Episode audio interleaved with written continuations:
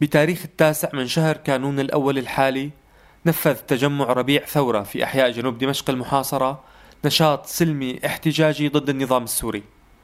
فبالوقت اللي كانت فيه حالة من الإحباط الشديد تتخلل مناصري الثورة السورية نتيجة أوضاع مدينة حلب على وجه الخصوص. كان التجمع عم يواصل ممارسة نشاطاته السلمية. وقام بإطلاق مجموعة من المناطيد تحمل رسائل ثورية باتجاه أحياء العاصمة دمشق. بهذه التغطية القصيرة حنحاول نلقي نظرة على التجمع وهو أحد أبرز الأمثلة على استمرار أشكال المقاومة المختلفة لنظام الأسد. فخليكم معنا. حتى نعرف أكثر من أهل البيت عن نشأة التجمع عن مناطق نشاطاته وعن أهدافه. أجرينا حوار مع عضو مجلس إدارة تجمع ربيع ثورة محمد النصر. بالنسبة للتجمع بلش بالذكرى الثالثة للثورة انطلق التجمع ل 2014 بالتهرب بالشهر الثاني. بلشنا بفكرة التجمع كان كان في اجتماعات مسبقة طبعا لعدد من ناشطين جنوب دمشق. آه، قررنا فيه إنه آه، نعمل شيء يصحح مسار الثورة بعد ما انحرفت آه، انحرفت يعني بعض الثوار بعض الأفكار انحرفت عن مسار الثورة الأساسي. نعم. قرر عدد الناشطين يعني فكرة تجمع ثوري يضم عدد من الناشطين بكافة المجالات. السلمية طبعا كان بداية. كان ممكن إنه يتوسع هذا المشروع لكن ما ما كان في إمكانية لهذا الأمر. فاقتصر التجمع على النشاطات السلمية. انطلق الذكرى الثالثة للثورة. نشط في الحراك السلمي والمجال الإعلامي أكثر شيء. وبيغطي الأحداث الإعلامية البارزة بشكل عام على الساحة السورية بالنسبة للثورة وبشكل خاص بجنوب دمشق. والحمد لله الآن يعتبر التجمع المصدر الأول اعلاميا بجنوب دمشق. وفي له موقع على شبكة الإنترنت وصفحة على الفيسبوك ومجلة أسبوعية ورقية تصدر اسبوعيا على الأرض على النت وعلى الأرض. طيب شو هي الجهات المساهمة بالتجمع؟ مثلا أنت ذكرت مجموعة من الناشطين. في مثلا آه، دعم من مجالس محلية من تجمعات أخرى. هل كان هناك توحد لتنسيقيات مثلا؟ شو هي الجهات المساهمة بهذا التجمع؟ أفراد فقط ولا في أيضا مجموعات؟ هلا هو كان بالبدايه كان يضم عدد من الناشطين المستقلين بالإضافة لعدد من التنسيقيات طبعا بس مو بالكامل يعني كوادر التنسيقيات ولكن غالبا مثل تنسيقيه كلها تنسيقيه بابيلا غالبا انخرطوا بالتجمع وفي جزء من تنسيقية بيت سحم أما بشكل رسمي من تنسيقية كاملة لا ما في هذا الشيء بس أغلب أعضاء اللي كانوا بتنسيقية يلدا بتنسيقية بابيلا تنسيقية بيت سحم بعض الناشطين المستقلين كان في البدايه في مخيم اليرموك بحي القدم وبحي الحجر الأسود. يعني بجنوب دمشق بشكل عام بالتضامن حي التضامن بلدات يلدا وبيلا وبيت سحب لكن بعد دخول داعش للتضامن ولا لمخيم اليرموك ولا حجر الأسود هم بالحجر الأسود بالأساس يعني منعوا الناشطين آه، من هذا الأمر. واعتقل بعض الناشطين من التجمع على أثر هذا أوقفنا النشاط الميداني في هذه المناطق وظل يقتصر على التغطية الإعلامية عبر مراسلين خاصين يعني منهم في منهم كمان أمنيين لبعض الفصائل داخل هذه المناطق اللي تسيطر عليها داعش. يعني تستقي منهم معلومات بالنسبة لهذه المناطق يعني. يعني بتستقوا منهم معلومات بشكل سري. بالم... أكيد أكيد بشكل سري لأنه تعرض ناشطين للاعتقال آه، على يد داعش. هم اعضاء بتجمع ربيع ثوره كانوا وكانت التهمة إنه ناشطين بتجمع ربيع ثوره يعني للأسف. يعني الأحياء اللي حاليا آه، بينشط فيها التجمع هي آه، ببيله يلدا بيت سحم؟ يلدا ببيله بيت سحم ميدانيا. وبالنسبة لنشاط الجرافيتي والتغطيه الإعلامية الكاملة البلدات أما باقي البلدات جنوب دمشق على مصادر خاصة. وفي تواصل بما أنه سيطر عليه المعارضة يعني بعدها ما في داعش في القدم. آه، في تواصل مباشر مع بعض الناشطين. أما هم مو أعضاء رسميه التجمع مو أصدقاء تقدر تعتبرهم أصدقاء يعني. شو أبرز النشاطات اللي مارستوها لحد الآن؟ أنت ذكرت المسألة الإعلامية، شو في نشاطات أخرى سلمية؟ شو شو هي التمظهرات؟ هل هي مثلا مظاهرات فقط؟ آه، آه، جرافيتي؟ شو هي الحالات اللي أو شو هي الأشكال بالأصح اللي مارستوا فيها النشاط السلمي؟ هلا بالنسبة للتجمع عمل على مثل ما حكينا عن نقل الاخبار اعلاميا بأحياء بلدات جنوب دمشق، حتى في نشاطات ميدانية كانت في بعض المناطق مثل ما حكيت لك قبل دخول داعش لحي التضامن لمخيم اليرموك للقدم لمنطقة العسالي كان في نشاطات ميدانية. آه، تستهدف أطفال المدارس في فترة من الفترات في ذكرى الثورة. الآن آه، بالنسبة بالإضافة للأعمال الإعلامية في آه، فريق حراك سلمي. بينشط في تنظيم المظاهرات تنظيم وقفات احتجاج بالنسبة للمناسبات اللي تمر فيها الثورة مثل مجزرة الكيماوي أو المجازر اللي حصلت في جنوب دمشق مجزرة آه، علي الوحش مجزرة آه، بيت سحم. نعم. بالإضافة إلى بعض الأفكار الجديدة نوعا ما على المنطقة يعني من فترة بتسعة الشهر الحالي اللي كنا إحنا فيه أطلق عدد من الشباب ربيع ثورة 20 منطاد صغير إلى باتجاه العاصمة دمشق يحوي قصاصات ورقية. نعم. تؤكد على صمود الثوار وثباتهم بجنوب العاصمة دمشق. بالإضافة الجرافيتي إذا بتحب نحكي عنه بالتفصيل بنحكي. تفضل لو سمحت هلأ الفكرة الجرافيتي بدأت فكرة الجرافيتي آخر عام 2013 2000 عفوا 2014 الهدف المشروع كان هو إحياء روح الثورة التاكيد على استمراريه داخل هذه المنطقة. أما عن التفاعل كان في تفاعل كبير من الناس. وطلب العديد من وطلب العديد برسم لوحات في أماكن سكنهم يعني بالشباب السكان اللي هم مع الثورة طلبوا برسم جانب يعني جانب منازلهم. وقرب محلاتهم التجارية. رسمنا تقريبا حوالي 20 رسمة مميزة لحد الآن. آه، بتختلف الرسمات آه، بعض عن بعض. بيكون الهدف منها زرع الأمل في قلوب الناس. نرسم على الأماكن الأمنية المهدمه البعض الآخر يكون برسائل ثورية سياسية.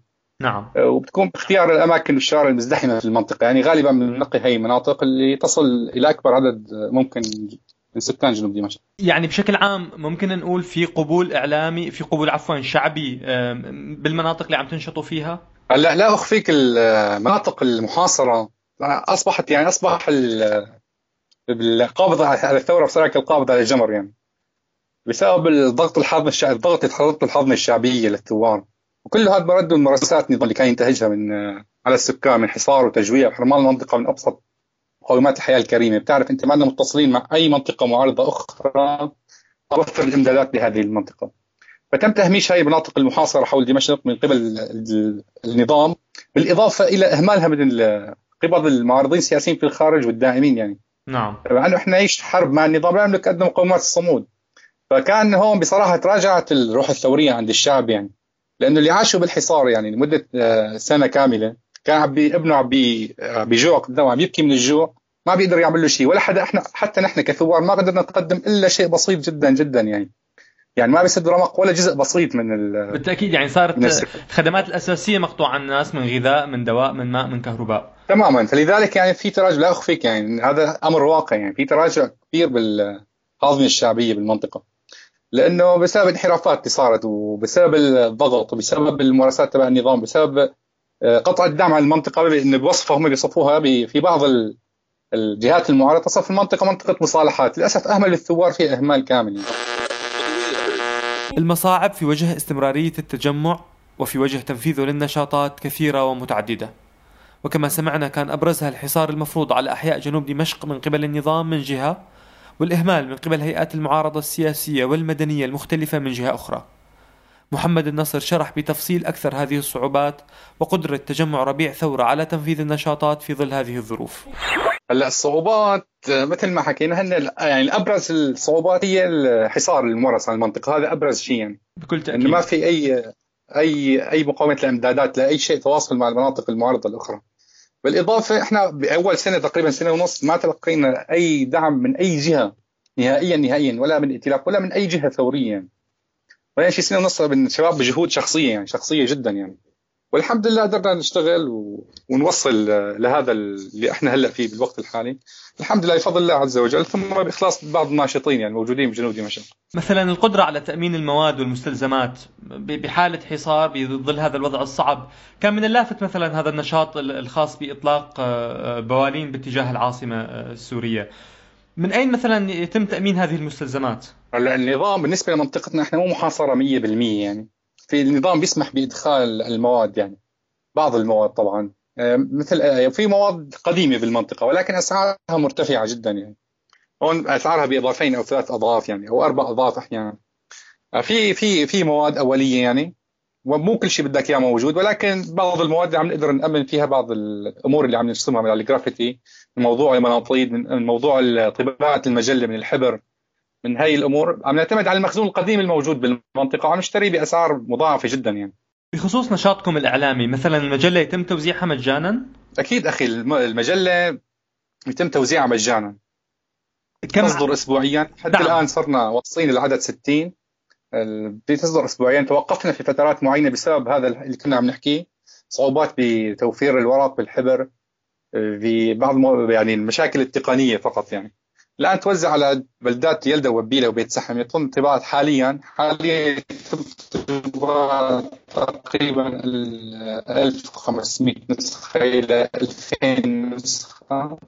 توزع اسبوعيا على البلدات الثلاث يعني. كم هو الكادر الذي يعمل في تجمع ربيع ثورة سواء في المجال الإعلامي أو في مختلف المجالات الأخرى؟ هلا نحن تقريبا حوالي 30 ناشط يعمل في هذه المجالات، في عندنا مجلس الاداره اللي هو نفسه بيشتغل بعده يعني في مجالات التجمع نفسها يعني. في أعضاء مجلس إدارة هم أعضاء المكتب الإعلامي أعضاء بالمكتب السياسي أعضاء بفريق الحراك السلمي على الأرض. شاهدت أيضا بعض الفيديوهات عن نشاطات تنموية مثل مثلا آه، زراعة آه، بعض المساحات آه، في محاولة لتأمين مصدر بديل للغذاء.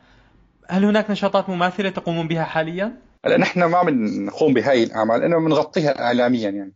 نحن ما لنا أي نشاط تنموي موجود بالمنطقة ولكن نغطي جميع الأعمال التنموية الموجودة بالمنطقة. في فترة الحصار مثلا موضوع زراعة أسطح المنازل لعدم توفر مساحات زراعية. الآن موجود في بيوت البلاستيكية مثلا آه، ورشات التي تتبع لجمعيات خيرية مثلا تمام. آه، ورشات خياطة نسائية يعني جميع المشاريع التنموية تقريبا بنغطيها بجنوب دمشق أما تغطية أما نحن غير مشاركين فيها بشكل فاعل إلا بالتغطية الإعلامية في نشاطات مقبلة حاليا عم بتخططوا لها للمرحلة القادمة؟ آه، طبعا نحن حاليا ما توقفت يعني هذه النشاطات ما توقفت. الآن آه، ما زلنا نقوم ببعض النشاطات ونساعد في تنظيم أخرى يعني في نشاطات مستقلة للتجمع في نشاطات عم نساعد فيها مع الأخوة الثوار والكيانات الأخرى في جنوب دمشق. آه، بالفترة الحالية في كان بالفترة من أسبوع تقريبا كان في ندوة مشاركة أعضاء من ربيع ثورة مشاركين مع أخوة لهم في جنوب الأخوة الثوار في جنوب دمشق. قمنا بالمشاركة وتغطية الندوة عن مخاطر التهجير القسري والتغيير الديموغرافي التي تمارسه قوات الأسد على المناطق المحيطة بدمشق غالبا مثل ما عم يصير مع إخواننا في حلب المحاصرة كان الله في عونهم. سؤالي الأخير هل تخشون في جنوب دمشق من حصول تغيير ديموغرافي مشابه لما حصل في المناطق الأخرى أم أن موضوع الهدنة مع النظام قد يساعد على على الأقل آه، إبقاء السكان في مناطقهم؟ والله أخي لا نخفيك هناك مخاوف كبيرة عند السكان بالخصوص عند الناشطين يعني بهذا الموضوع. هلأ الفكرة مثل ما حكينا ضمن الحديث إنه المعارضة تقريبا نسيانه هاي المناطق.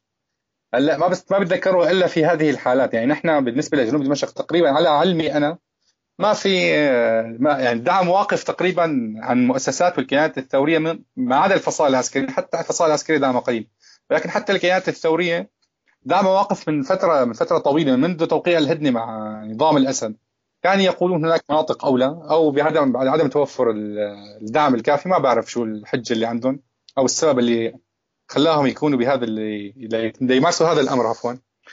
فهون هلا المخاطر والله إحنا يعني إذا ما صار تغير على الساحة السورية تغير كبير تغيير كبير على الساحة السورية أكيد هذا الأمر لا محاله واقع يعني. نحن هون بمنطقة محاصرة لا نمتلك أدنى المقومات للصمود يعني. قلنا لك حكينا إنه في تهميش كان عبر السنوات الثلاثة الماضية كثير كبير لجنوب دمشق. والباقي المناطق بعتقد يعني في ريف دمشق. على الرغم من كل الظروف المحيطة وعلى الرغم من كل المصاعب التي لا تنتهي بما في ذلك الحصار الذي عرفته المنطقة لأشهر عديدة يستمر تجمع ربيع ثورة في تقديم نموذج للمقاومة السلمية المدنية والإعلامية. على الرغم كذلك من تراجع زخم الثورة وعلى الرغم من الدعم الدولي والإقليمي غير المحدود لنظام الأسد. اليوم وبكرة اليوم وبكرة رح نحكي عن بكرة أحلى امبارح اليوم وبكرة بدنا نخبرك يا بلدي عن حضن إن لملم كلمات من سنين. عن دموع صلوات ندهت لك المتحرية وبعد مثل أحزان انجمعت كل الألوان لتشرق شمسك سوريالي لسوريا الإنسان سوريالي سوريالي.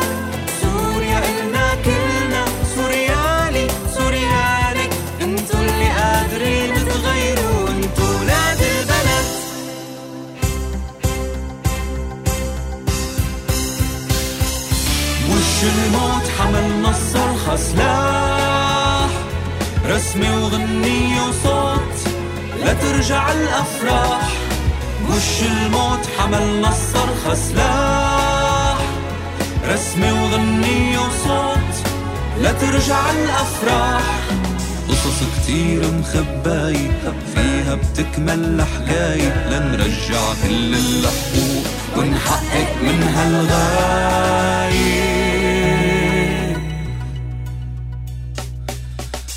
مهما طال الألم مع بعض منشيل الحمل بالألفة والمحبة بسوريالي منلم الشمل.